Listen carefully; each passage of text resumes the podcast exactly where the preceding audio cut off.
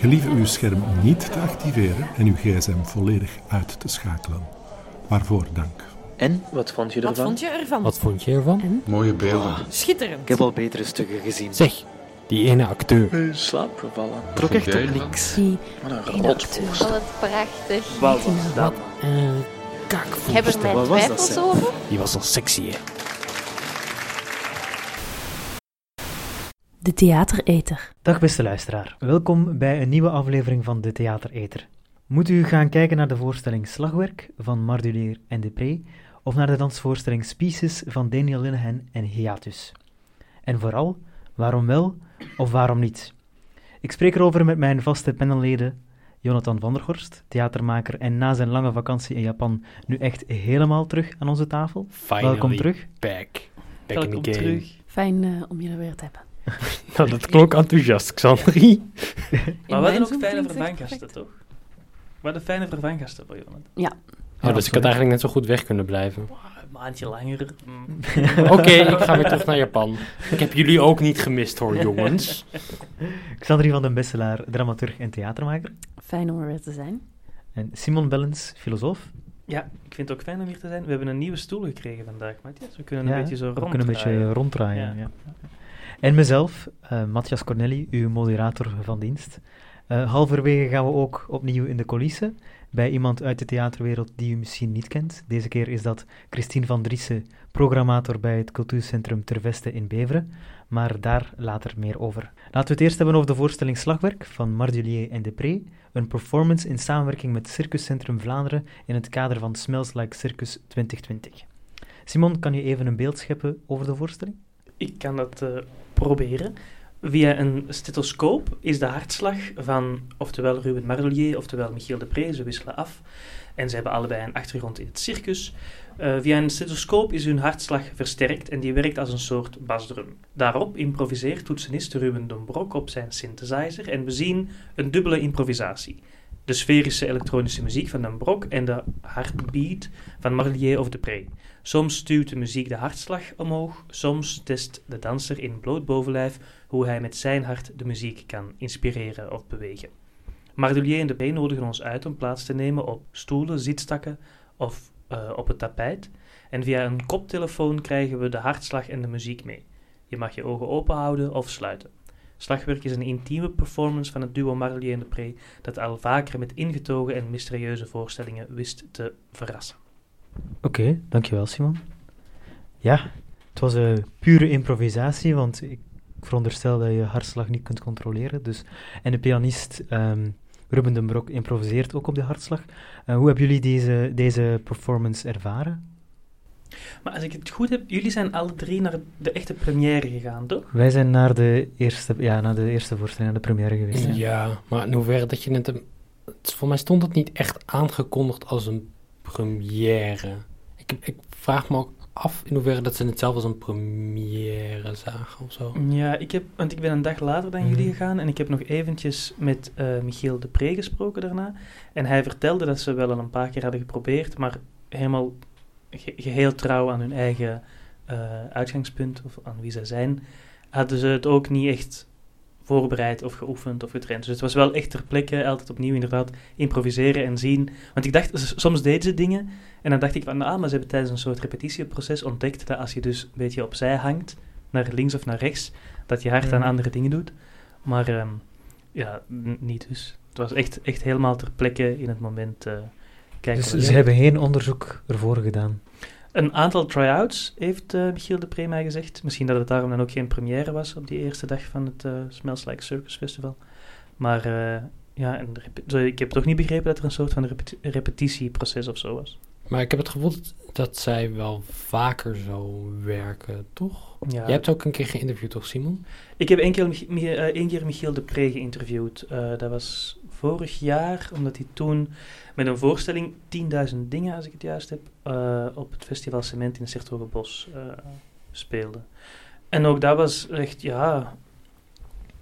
Wat ik, wat ik heel erg ontwapenend aan hen vind, is dat ze heel erg de tijd voor zichzelf nemen om gewoon eens iets te proberen, te zien waar het heen gaat en niet echt met voor opgestelde theorieën of ideeën van iets, wat iets moet zijn, aan iets beginnen. Ik heb het gevoel dat ze echt eh, van een leeg blad of zo kunnen werken. Ja, het is heel eh, im- impromptu of zo. Of, of in het moment. Of Mhm. op, het, op het moment ontstaan. Ik heb ook al wel eerder dingen van ze gezien. En die waren ook inderdaad vaak heel klein. Wat, ik- wat ik ook altijd heel, heel bijzonder aan ze vind. En ze- zeker ook in deze performance. Is hoe dat ze een, een ruimte creëren. Waarin dat hun werk het best tot een, tot een recht komt. Dus bijvoorbeeld nu. Je wordt, als je binnenkomt krijg je een koptelefoon. Dan krijg je een praatje van, van een van beide heren. En die leggen dan uit van, eh, ja, je mag je koptelefoon opzetten, hij werkt zo en zo. En je mag eh, tijdens de hele performance, mag je je, mag je, je, je ogen sluiten. Je mag, je mag eigenlijk doen, doen wat dat je wil. Je mag kijken, je mag niet kijken. Je mag... En als je dan binnenkomt, dan, liggen er zitzakken. En er staan, er, er staan ook een paar stoelen voor mensen die misschien wat minder graag in zitzakken zitten. Er zijn, liggen een paar tapijtjes. Dus je kan je echt helemaal op je eigen manier Wat hebben jullie Eh, gedaan? wat, wat vonden jullie van die vrijheid? Ik vond dat ontzettend fijn, omdat ik, ik merk, of dat begon ik de laatste tijd te merken als ik naar voorstellingen ging, dat het, je bent al zo vaak zo'n hele dag, dag, dag bezig met van alles en nog wat en er zit al zo heel veel in je kop en dan ga je s'avonds naar het theater en dan, dan, dan krijg je nog meer shit over je heen, om het zo maar even te zeggen of zo. En ik vond het heel fijn dat er nu eens een keer ruimte geschept wordt om compleet leeg in te mogen zijn of compleet niet aanwezig of niet, niet eh, gefocust of niet geconcentreerd te moeten zijn. Ik vond dat een heel, heel prettig ervaring. Ik heb in het begin van de performance heb ik wel nog gekeken, want ik was dan toch wel benieuwd wat, hoe dat ze dan, wat, wat dat ze dan doen of zo, of hoe dat er dan uitziet. Maar na een tijdje heb ik dat losgelaten en heb ik mijn, mijn gedachten alle kanten op laten, Ja, laten heb, gaan en ben ik gewoon achteraf in, achteruit in mijn zitzak Mhm. gaan liggen en Mhm. gewoon gaan luisteren. En dat ik heb ook schaamteloos een zitzak opgeëist en Ja. heb meteen de ogen gesloten. Ik ook. Hey, Xandri, hoe heb jij het beleefd? Ik vond het als ehm, concept heel interessant. Ook echt enorm prikkelend. Maar ik vond het als voorstelling... Misschien eh, ha- ha- had ik daar nog een paar vragen bij. Eh, en dat heeft er eigenlijk misschien wel ook te maken met, dat, met een, een, een repetitieproces of iets uitpuren. Mhm. En dat ik het gevoel eh, had bij het zien van, deze, van dit stuk... dat er nogal wat had kunnen worden uitgepuurd. Dus ik, ben, ik realiseerde me na, de, na, na, af, na afloop dat ik bijvoorbeeld heel graag de performer alleen op... er staat een home trainer... ehm, waar de performer eh, zich op beweegt. En ik was nieuwsgierig, wat als je nu enkel op, op die home trainer... dus in een soort van de soberheid, maar het uitpuren van... Dus enkel eigenlijk de hartslag horen dan. Ja, maar daar dan wel jou- mee spelen. Omdat ik het gevoel had dat er soms een, een, vals, een valse spanning ontstond die ik niet zo interessant vond. Of een beeld waar, waar ehm, getracht werd iets betekenisvol te zijn, maar dat niet in C zo was. Kan je daar een voorbeeld van geven? Ehm, ja, bij, bij ons op de avond ehm, ehm, zet de performer zich op een gegeven moment neer op de grond en er is een kindje en hij haalt het kindje naar voren of hij eh, wenkt het kind naar voren toe. En het kind zit te- tegenover hem en daar ontstaat niets. Ehm, Maar wel in de hartslag, toch? Want dat vond ik, Mm. dat vond ik juist spannend aan dat moment, omdat, laat me zeggen, zo'n home trainer is natuurlijk, laat me zeggen, is, is artificieel bedoeld om je, om je hartslag mee omhoog te krijgen. Maar wat menselijk contact met je hartslag doet, dat was wel waar, waar, waar dat voor mij een beetje, een beetje over ging. Maar ik, het, ik, ik kan er wel inkomen inderdaad dat er dan te weinig dat er dan te weinig, of dat er dan misschien te weinig op door werd gegaan of zo. Of dat was gewoon één moment met dat maar hebben kindje. ze bij jullie niet... ehm, hebben ze nooit alleen de hartslag eh, laten luisteren? Ja, helemaal in het Ja, begin. Ja, want ik herinner me wel dat die toch een tijdje alleen op de home trainer en weer versnellen en vertragen. En dat je eerst aan die hartslag moest winnen voor de toetsenist zou invallen.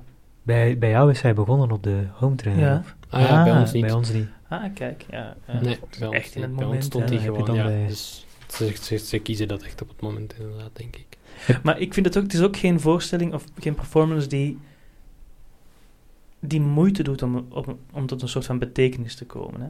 Het is, het is misschien wel, ik herinner me dat Michiel de Pre, die 10.000 dingen die kwam van een Taoïstische tekst of zo.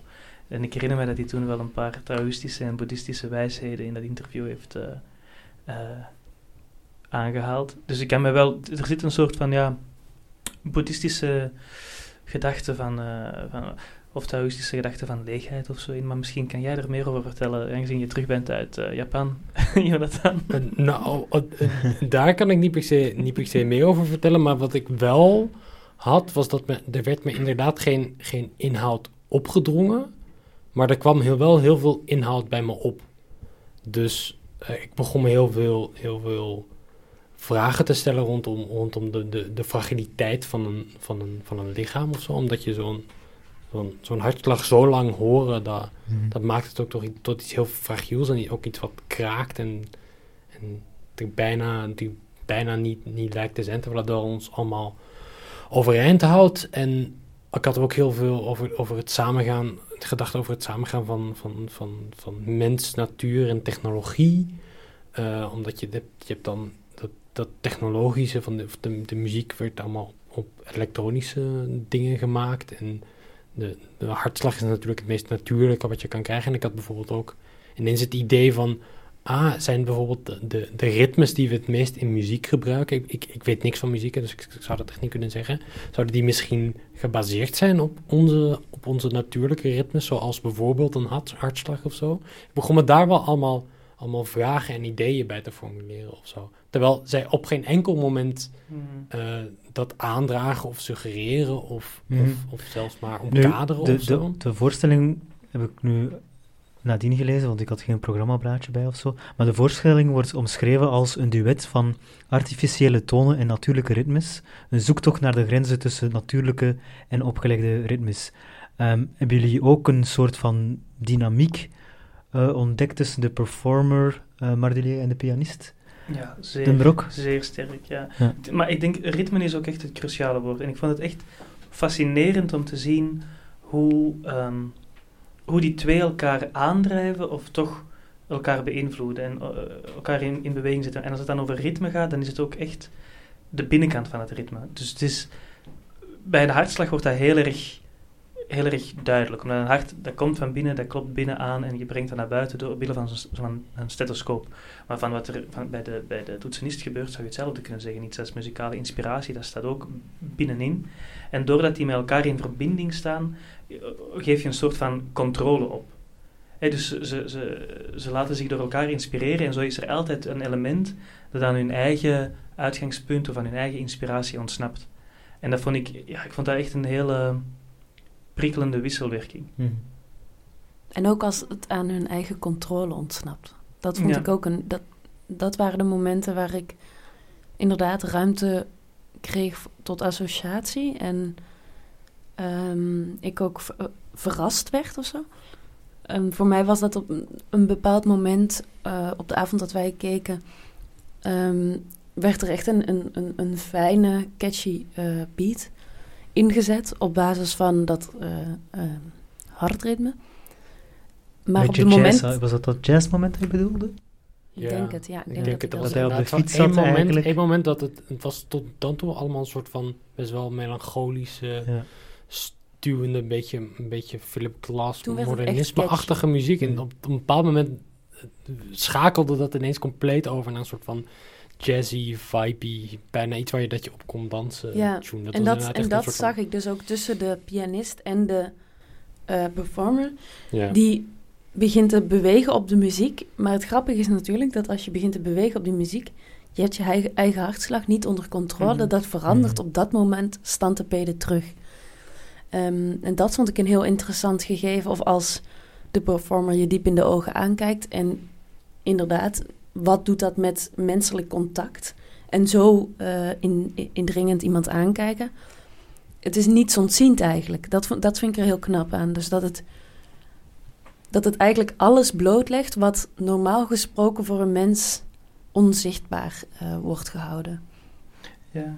ja, het is ook echt inderdaad dat zoeken zo naar wat er buiten de wil omgaat. Of zelfs zo het opzoeken van wat er buiten het makerschap omgaat. Dat is... eh, zij willen dat gaan opzoeken en dat vind ik echt... Vind ik ook best wel, wel, wel gedurfd of zo. Vind ik eigenlijk... Ze doen dat op een heel ontwapenende en ook heel erg bescheiden manier. Hè, echt pretentieloos. Eh, maar ik vind het best wel van, van, van lef getuigen ook. Hebben jullie al eerder werk gezien van Mardelier en Depré? Dat is wel grappig. Op het, op het vorige theaterfestival, nee, dus in, in Gent, ook in de Vooruit, eh, hadden zij er een performance staan waarbij ze in een soort hokje, ze een hokje voor zichzelf gemaakt. En dan, eh, je kon er binnenlopen. Maar wat de performance eigenlijk was, was dat zij met nog een aantal andere mensen in dat hokje zaten en keken naar de mensen die binnenkwamen. Dus als je binnenkwam in het ja. hokje, dan was jij eigenlijk het, het object van de, van de Ja, ze voorstelling. spelen inderdaad heel erg met, met, met dat wat er al, al is. En dan geven ze een andere context aan, waardoor het ineens... een- Ja, en ze blijven wordt. stil. Ze blijven eerst stil eigenlijk. En dan eh, vertellen ze pas wat de bedoeling was. Ja. Ja. En Dus dan je mag je erbij komen en dan- zitten en dan is het weer aan de volgende. En dan is het weer aan de volgende. Zo hebben ze En dan net hetzelfde. En dan, moeten ze ook, weer- dan is ook het publiek weer stil. En dan zie je die mensen eigenlijk performen voor u. Terwijl als ze niet doorhebben dat ze aan het performen zijn. Dat is ja, heel fijn. Ja, ik heb ook al een paar, paar eerdere dingen van ze gezien die me wel... Een, een van mijn favoriete dingen is... eh, heb het nog vandaag nog eens opgezocht. Ze hebben ook een heel leuke site Ja. waar dat eigenlijk al hun performance eh, vrij goed op gedocumenteerd Ja, met de staan. site misschien eens zeggen. Mardulier. Ik Ah, ja, het is gewoon uh, Mardulier mardulier.com. Voilà, dus daar kan je, kan je alles op terugvinden. En mijn favoriet heet Inbreken. En dan proberen ze op eh, iets van 16 verschillende manieren ehm, eh, langs een lichtsensor te komen. Dus er hangt ergens een lichtsensor in een gebouw en daar proberen ze langs te komen zonder dat die lichtsensor aanspringt. Nee, de bewegingssensor. Denk ik. Bewe- ja, een bewegingssensor, maar de, de, die, die, die, ja, die, die stuurt het licht. Ja. Maar dat lukt telkens niet. Op elke mogelijke manier. Ze proberen er één keer keihard langs te rennen. Ze sturen er een, een hondje langs. Ze kruipen heel erg langzaam over de grond. En dan lukt het een hele tijd wel. En dan toch pats ineens dat licht aan. Dus het is echt zo de, de, ja, de, de, Ja, ik het vind, menselijk streven wat het dan toch telkens net niet haalt. In een, ik vind die site fantastisch. Ik heb ook vandaag eh, een persoonlijke favoriet ontdekt. En dat is de performance. eh 15 januari was er regen en veel wind. En dan zijn ze op 15 januari, hebben ze eigenlijk eh 20 paraplu's eh, verzameld uit de vuilnisbakken in Gent. En dan zijn ze met die paraplu's, om die terug in eer te herstellen eigenlijk, eh, singing, and the, singing and Dancing in the Rain eraan toegevoegd. En dan staan ze te dansen op, eh, ja, op het nummer van eh, singing, uit de film Singing in the Rain van Gene Kelly natuurlijk. Ehm, ja, ik zou zeggen, allemaal eens naar die site gaan, want die site is wel... ja, inderdaad. De Als je, ze niet, eh, als je ze niet in levende lijven tegenkomt, ga dan naar die. eh, ga Dat dan zeggen we nu site. ook gewoon zonder schroom. Eh, Je moet eens iets van Marguerite en de Pre bekeken hebben. Ja, ik moet wel zeggen, ik weet niet of dat ik deze specifieke performance hun allerbeste of prikkelende werk vond. Ik vraag me ook echt af of dat ze daar überhaupt Mee bezig zijn. Omdat ze dat überhaupt belangrijk. Dat vraag Ja. ja. dat is inderdaad een. Maar ze vinden het wel vraag, belangrijk om het goed te doen. Want ik sprak Mhm. dus met eh, de pre achteraf en die zei tegen mij... Ja, gisteren was het niet zo goed, maar vandaag ging echt veel beter. En dat vond ik dan ook wel bijzonder, hoe dat kan. Hoe dat kan voor eh, dat het... Ja, eh, dat is, dat, ja. is, dat, dat is performen. Je voelt, Ja. dat dan, je voelt dat dan toch, denk ik. Simon, wanneer kunnen we deze performance nog zien of ander werk van Mardelé en Depré? Normaal kunnen we slagwerk nooit meer zien. Eh, het was Ah. speciaal voor het Smells Like Circus Oh, jee. Festival. Misschien op de site? Misschien wel op hun site.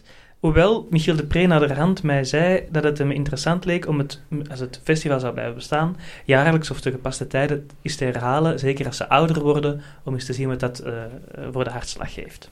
Oké, zeer boeiend. Ja, Xandri. Dag Xandri. Hey. Dag eh, Matthias, ik zit nog steeds tegenover. Ja. ja. We zitten hier aan het tijd, hè, Matthias. Maar goed, we gaan nu over naar de coulissen, dus ik dacht van, eh, ik vind eigenlijk nog eens dat, dat Xandri hier Goed ook is. bruggetje. ja, Matthias. lekker bezig. Ja, ik vond het zeer fijn om met jou eens eh, eh, het was in de de, eerste in keer de dat je coulissen te duiken. Waar zijn we geweest?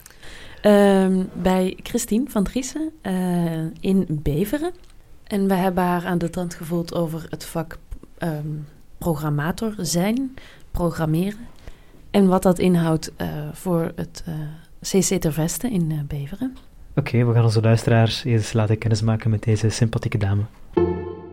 hey, pst, nee, hier, pst, in de coulissen. Matthias, Dag Xandri. eh, ik heb jou voor het eerst mee. Ja, tof hè? Ik vind het wel fijn om eens eh, met jou eh, op reportage te gaan. De eerste keer. En eh, waar, waar lopen we naartoe? We zijn op weg richting het cultuurcentrum van Beveren, eh, C- CC Ter Veste, waar we de programmator gaan interviewen. En eh, er is ook een voorstelling vanavond. Welke? Wittelof from Syria van um, Sien van Malen. Ik denk dat het hier links is. Ja, ik denk het ook. Oh wel, er is wel niet, niet veel licht. Ziet er nog uh, rustig uit. Ja, het ziet er wel we zijn ook uh, vroeg, omdat we haar natuurlijk uh, willen spreken voordat de voorstelling begint. Ja. Ik ben benieuwd. Ja, ik ook. Ontzettend benieuwd. Ja. Oké, okay, dus we zijn nu bij de voordeur. Um, ja. We dachten net al dat we er konden zien. Maar, maar we zijn niet zeker. Nee, we zijn niet zeker. Ja, ja, ja. ja. We zijn al aan het opnemen. We zijn al ja, aan het opnemen, ja. ja. Goedenavond. Goedenavond. Ik zag jullie passeren vanuit mijn kantoor. Ah, ja. Dat is een glazen bak. Ah, ik ben Christine van Driessen. Ik ben dus programmator Interveste. Ik programmeer theater, muziek, comedy en film binnen het avondprogramma. Um, ik heb een collega, Tine Mendonk, en zij is uh, jeugdprogrammator. Dus die verzorgt de schoolvoorstellingen, uh, plant um, uh, familievoorstellingen in en zij zet ook drie dansvoorstellingen. Maar al de rest zit bij mij. Dat is betrekkelijk veel. Hoe lang duurt het dan? Het is nu bijna twee jaar, dus ik ben redelijk groen als programmator. Ik heb theaterwetenschap gestudeerd um, aan de Universiteit van Gent. En dat was wel zoiets, als ze mij toen vroegen wat zouden ooit echt eens graag willen doen, professioneel dan, dan was dat programmator zijn. En toen was ik wel nog in de veronderstelling dat dat een... Uh, ja, dat die kans niet heel was, omdat dat zo prettig leek toen en nog altijd is. En ik zag ook niemand weggaan op die functies. En we zijn ook met niet zoveel, ook al zijn er best veel centra binnen dat klein oppervlakte Vlaanderen. Maar dus dat was wel een soort van droom, meer dan tien jaar geleden. Hoe ziet jouw, jouw, dag, je dagen er zo uit? Hoe begint jouw dag? Um, um, met mijn wekker. nee, dat is heel gevarieerd. Hè. In ieder geval, um, uh, wat dat best pittig is, is dat dat zowel een kantoorjob is, een dagjob, als, als avondwerk. Uh, als ik hier niet ben, ik, ik, blijf daar ook, ik blijf dat ook benadrukken, als ik hier niet in de Schouwburg ben, dan zit ik wel ergens anders. Dat klinkt als boetade, maar het is wel bijna zo. In essentie is een programmator de persoon die het programma samenstelt voor een speelplek. Um, voor mij is dat dus theater, muziek, comedy en film. Dat is het programma samenstellen. Enerzijds doe je dat door een vertrouwen in artiesten. Sommige voorstellingen staan hier ook in een eerste speelperiode. Um, en dan uh, op basis van dat vertrouwen kun je een voorstelling of een muziekproductie gewoon inplannen. Verder, wat ik zelf um, heel veel belang aan hecht, is te gaan prospecteren. Uh, vandaar dat ik ook zei, als ik hier niet ben, zit ik in een andere zaal. Enerzijds voor het jonge talent dat aan het opkomen is. Niet zozeer om die in eerste instantie al te boeken, maar wel wetende van... Oké, welk uh, vlees hebben wij in de kuip voor de komende jaren? Uh, en waarop kan ik mij dan in de toekomst baseren als het dan gaat over iets blind gaan boeken of niet. Dus eigenlijk effectief heel veel gaan kijken uh, naar producties. En als je dan weet dat een productie wordt hernomen een volgend seizoen, uh, ja, dan kun je al direct beginnen afspreken met degene die de verkoop regelt. Of dat is een boeken van een, een theaterbureau, uh, met name voor het theater dan, of een zakelijke leiding van een theatergezelschap. En hoe, hoe kies je dan? Hoe kies je dan een voorstelling? Je gaat gaan kijken naar de voorstelling, je vond die voorstelling goed en dan... Um, er zijn verschillende parameters uh, waaraan een voorstelling moet voldoen, natuurlijk. Um, ik zit met mijn eigen bagage als theaterwetenschapper, mm. dus ik heb wel een soort van analytisch vermogen, zonder dat ik daar direct een vinger kan op leggen, maar een, um, ja, een soort van kennis waarmee dat ik behept ben om uh, het kaf van het koren te onderscheiden, zonder dat ik dat mijn dida uh, wil stellen.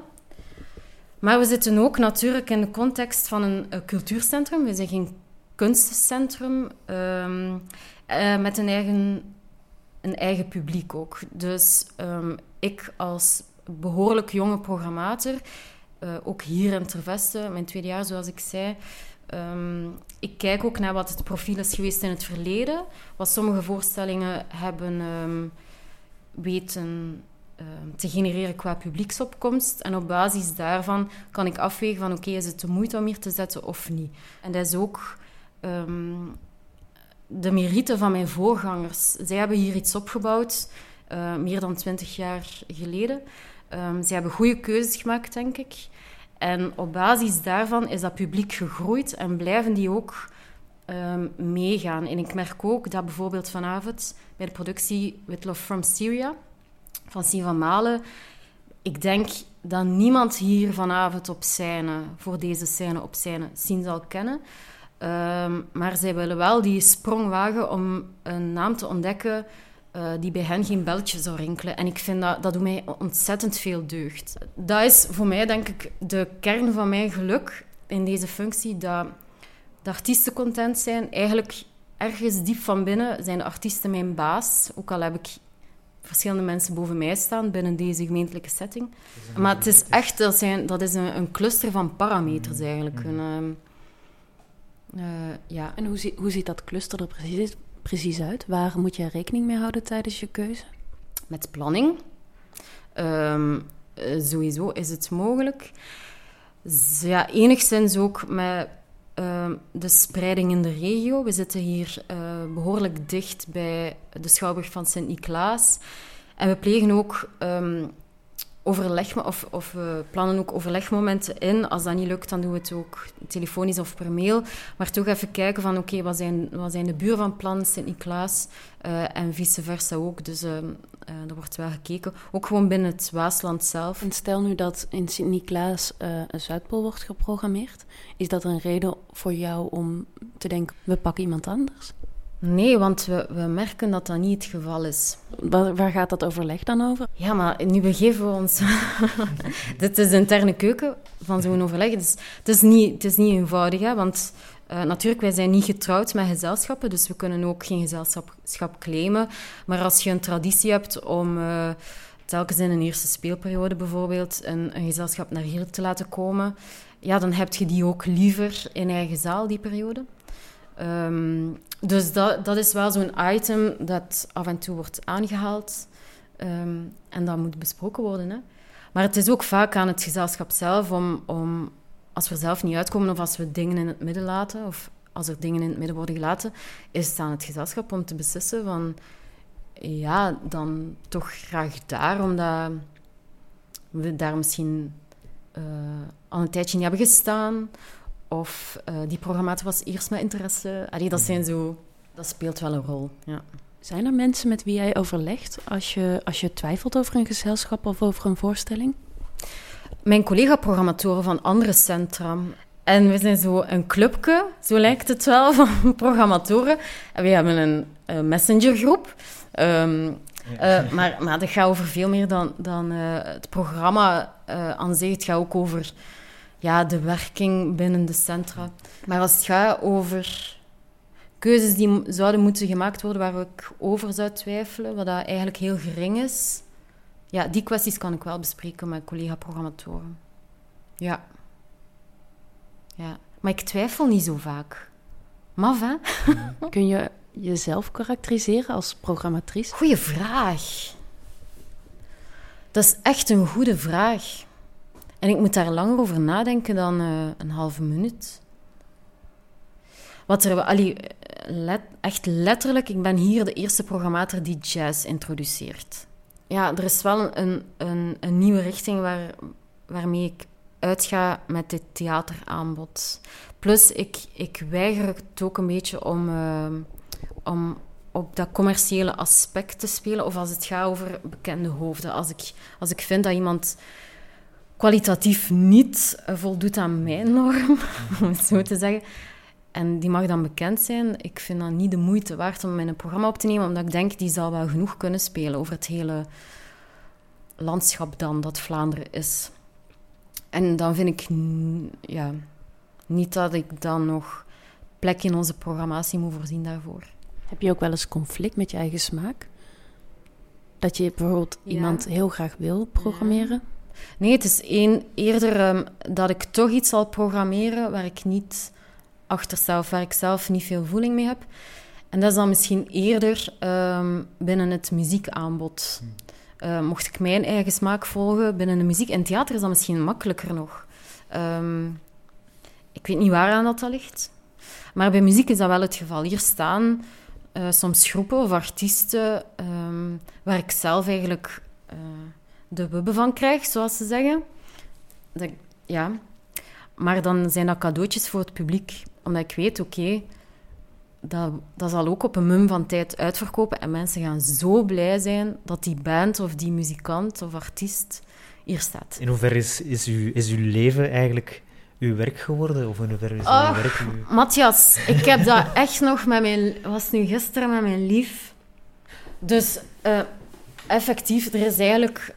Er is eigenlijk geen césuur meer tussen mijn, ehm, mijn professioneel, professionele zijn en mijn persoonlijke zijn. Ja, maar waar- waardoor ik me wel afvraag van stel nu dat ik die job niet meer zou mogen uitoefenen of zo. Ja, ik kan me dat nu niet indenken. Nee, want echt, geweldige job, hè. Echt waar. Maar ook deze plekken.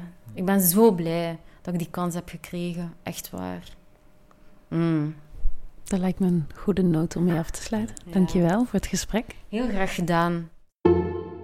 hey, pst, nee, hier, pst, in de coulissen. Tijd voor onze volgende voorstelling, Species van Daniel Linehan en Hiatus. Vertel eens, eh, Simon, eh Species van Daniel Linehan en Hiatus, wat hebben we gezien? Ja, geïnspireerd door het werk van de Britse ecofilosoof Timothy Morton, maakt de Amerikaanse danser en choreograaf, die ooit nog student aan de Parts School van Anne-Theresa de Keersmaker was, de voorstelling Species, oftewel soorten maar dan met meer essen. Samen met zijn gezelschap Hiatus is het een zoekende voorstelling geworden, net zoals Morton, Mortons denken zoekt naar een andere omgang tussen mens en natuur in een tijd die volgens hem eigenlijk al post-apocalyptisch is, zoekt Daniel Linehan in een choreografie met veel aanraking, verstilling en verbeelding opwekkende geluiden naar een oprechte omgang tussen lichamen en eh, voorwerpen, zoals verkeerskegels, takken of een ijzeren hekstructuur waar ze graag op kruipen op de scène. Oké, dankjewel. Eh, Zoals je al zei, liet zij een eh, nieuwe dansvoorstelling inspireren door het werk van de Britse filosoof Timothy Morton. Ehm, hoe is dat, dat werk precies terug te zien in de voorstelling? Huisfilosoof Simon, eh, leg het ons eens uit. Zet ik mijn filosoofenhoed even op? Eh, Mooie hoed, Simon. Of, of gewoon turtleneck. Dat kan ook natuurlijk. Of beide, nog Nog beide, beter. nog beter. Ja, hoe dat is terug te zien. Goh, Matthias, ik, ehm, Dat is een moeilijke vraag, hè? daar kunnen we denk ik een hele, een hele theater misschien over vullen. Maar ik wil wel, Ja. ik wil wel Timothy Morton misschien een beetje eh, schetsen. Ja. Dus een, een, een, een Britse filosoof, zelf een beetje een extravagant type, een beetje zo rockster-achtige verschijning soms. Of zo komt, eh, heeft ook eh, Björk, de zangeres, laat zich ook door hem inspireren. Mm. Dus misschien daarmee dat ik die link leg.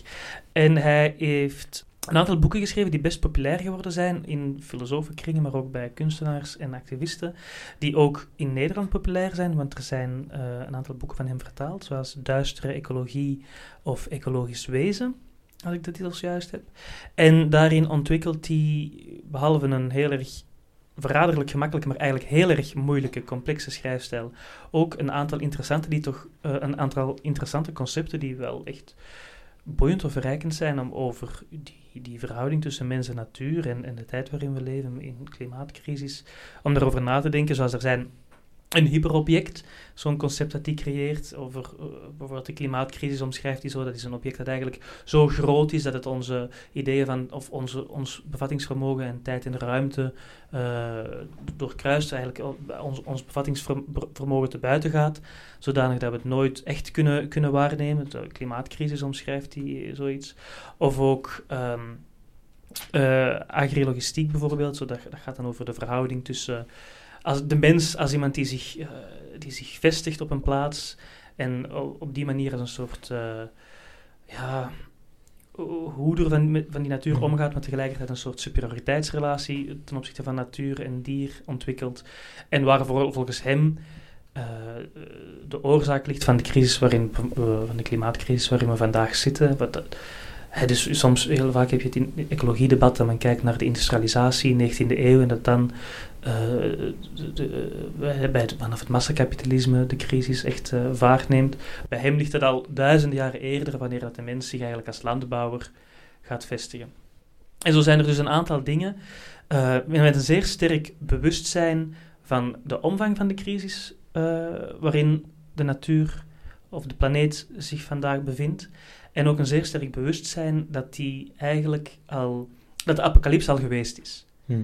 Dus dat er eigenlijk de schade die, die er is aangericht ook onomkeerbaar is. En zelfs als die bepaalde tipping points eh, gehaald zouden worden, wat niet gaat gebeuren, want daarvoor moet je bijvoorbeeld 50%, allee, de CO2-uitstoot zou binnen minder dan 10 jaar met 50% moeten eh, afnemen.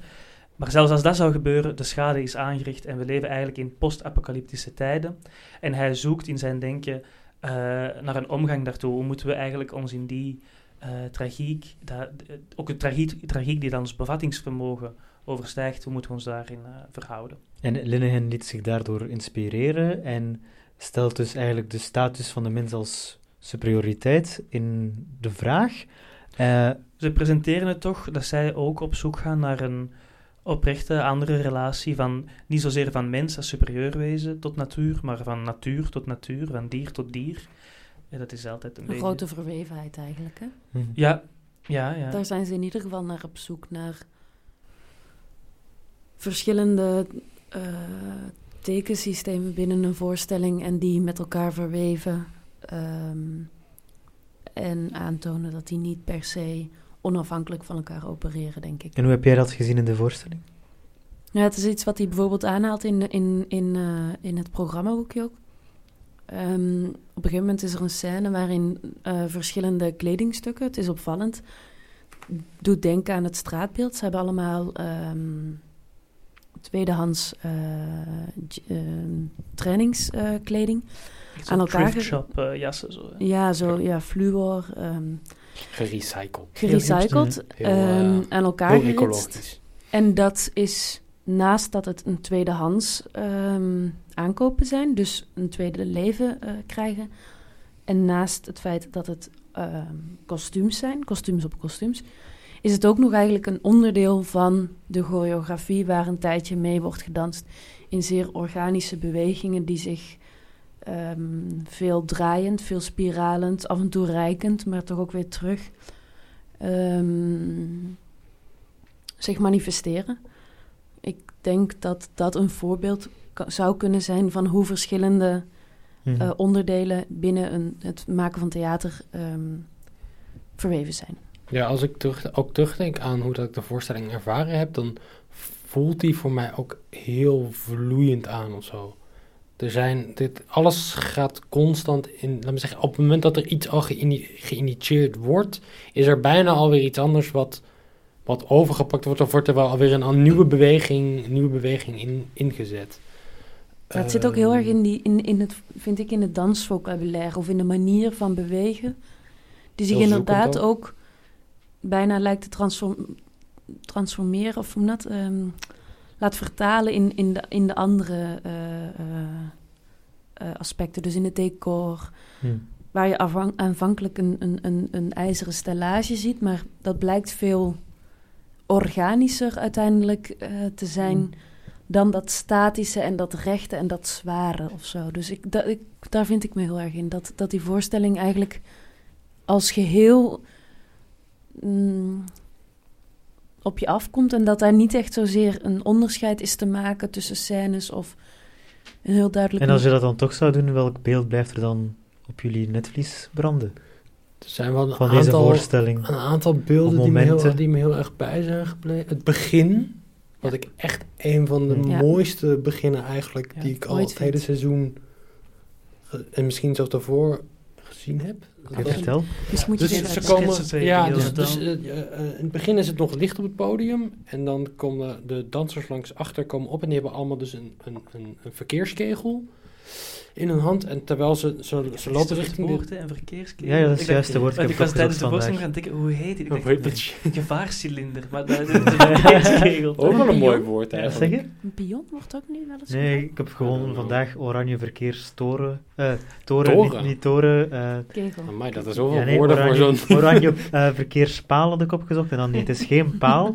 Het is iets eronder, dus het is een keel, dus een oranje verkeerskegel. En Google eh, heeft mij dan de juiste afbeelding gegeven. Maar goed, eh, jij was aan het vertellen, Jonathan. Dus ze komen met die, met die verkeerskegel komen ze richting de tribune en ze gaan eh, op verschillende plekken langs, langs het publiek staan eigenlijk. In het publiek. En dan ondertussen gaat al het licht uit en eh, beginnen ze heel langzaam door die verkeerskegels te aaien. En als je goed kijkt... Te ademen, ja, sorry.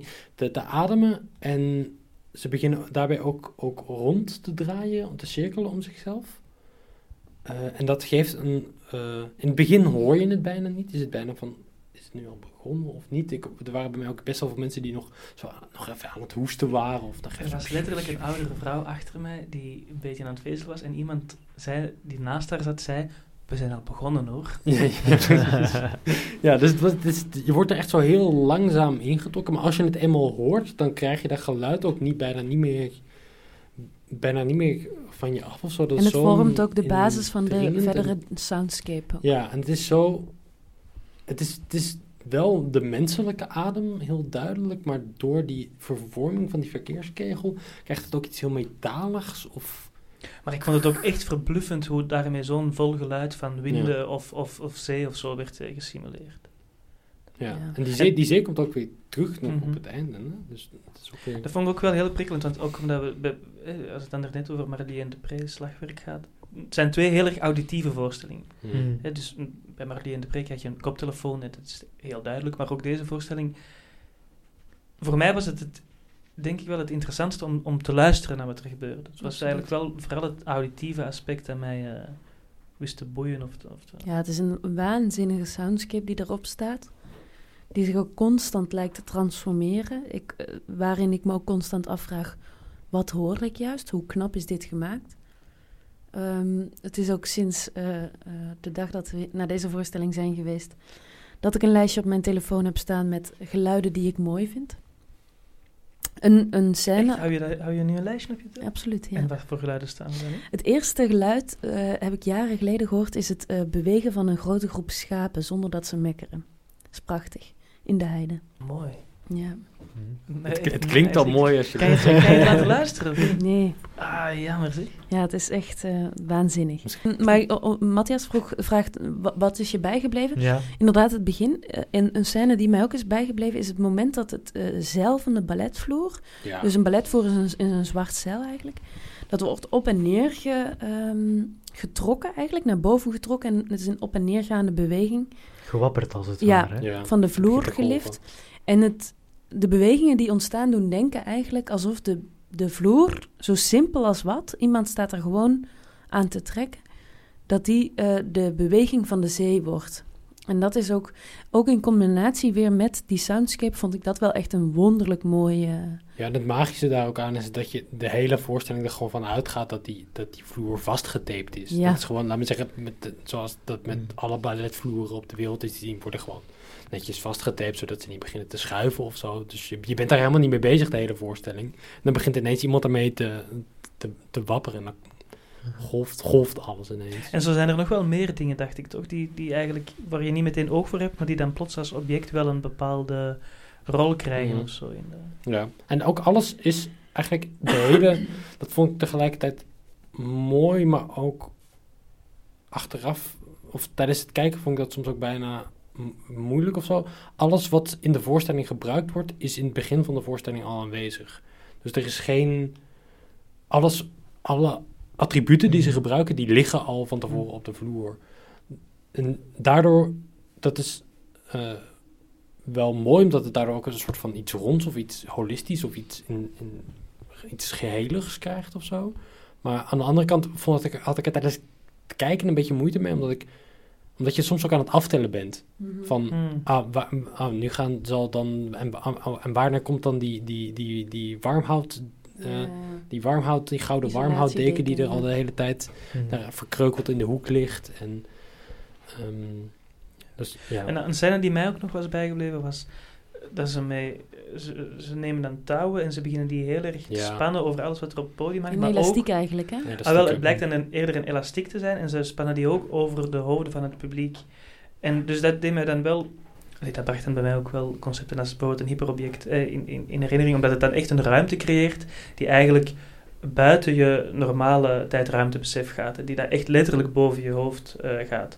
En dan houden ze dan heel als ze dat schieten en dan krijg je die mooie beweging door die elastiek van de ene naar de andere kant. Ook vervaarlijk dicht eigenlijk bij, de, Mhm. bij het publiek.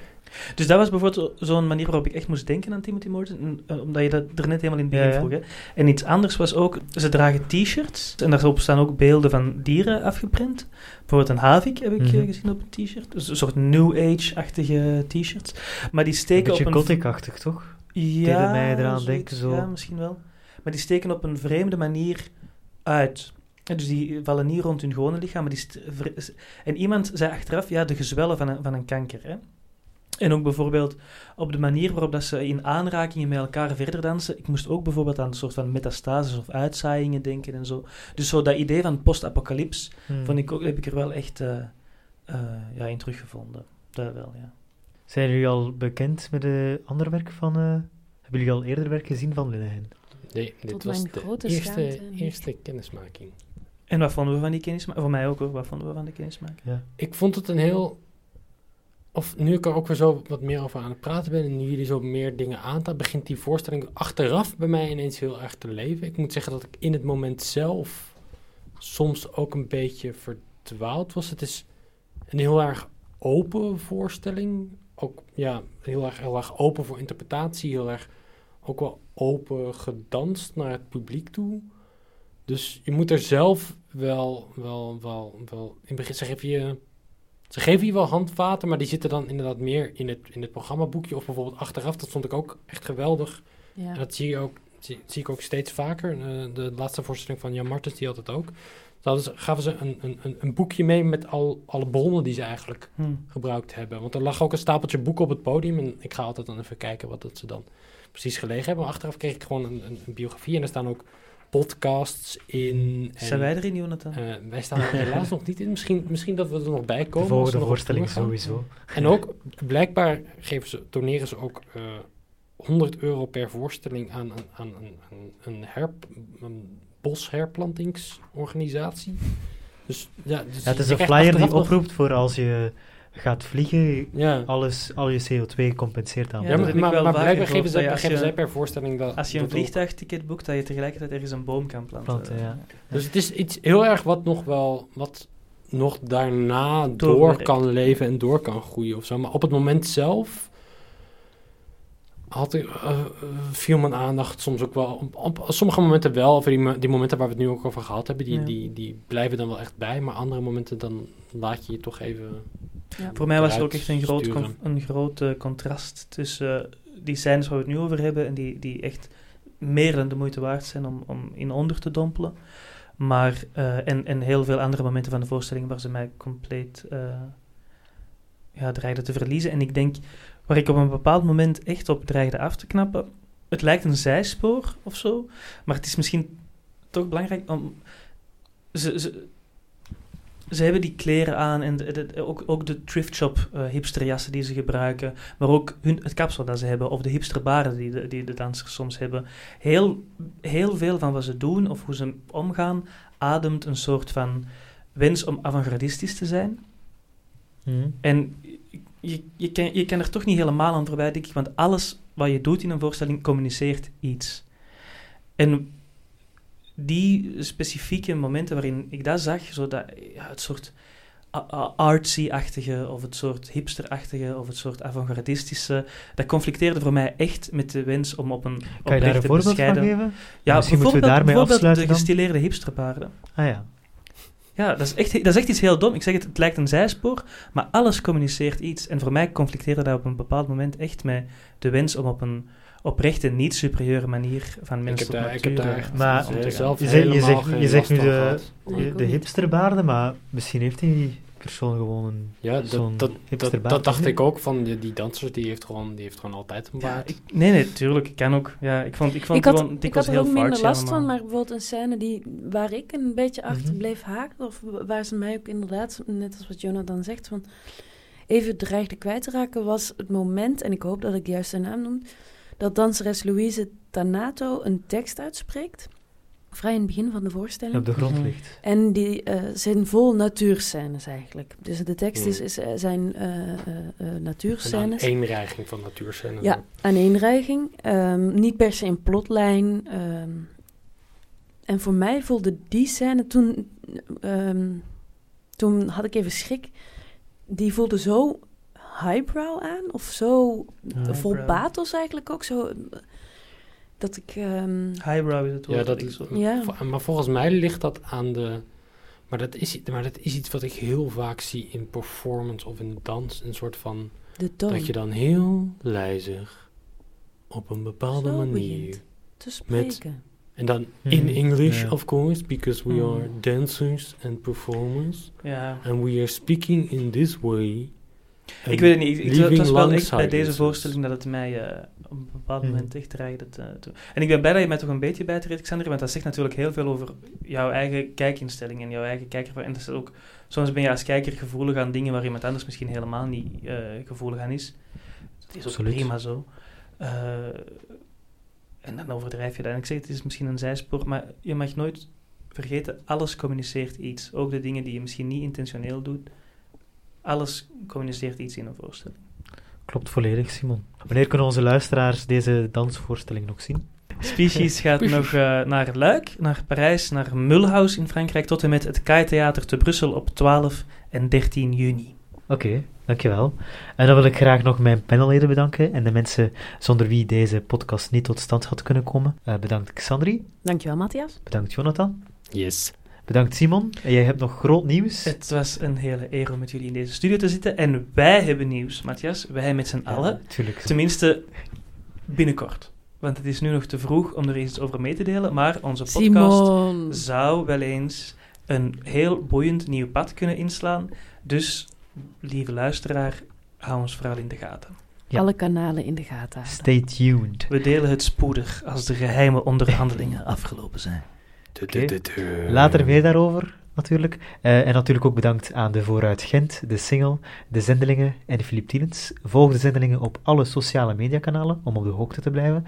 Je kan deze podcast terugvinden in je favoriete podcast-app Spotify, Soundcloud, TuneIn, Stitcher en Castbox of via de website van de Zendelingen. En als je de podcast leuk vindt, vergeet dan ook niet om te liken en te abonneren. Dan kunnen mensen die ons nog niet gevonden hebben ons weer makkelijker terugvinden. En Tot de volgende keer. En, wat vond je Wat ervan? vond je ervan? Wat vond je ervan? Mooie beelden. Schitterend. Ik heb al betere stukken gezien. Zeg, die ene acteur, In slaap gevallen. die was wel sexy, hè? Die Wat een rotvoer. vond het prachtig. Wat was dat? Een kakvoer. Ik heb er mijn Wat was dat? twijfels over. Trok echt op niks. De theatereter.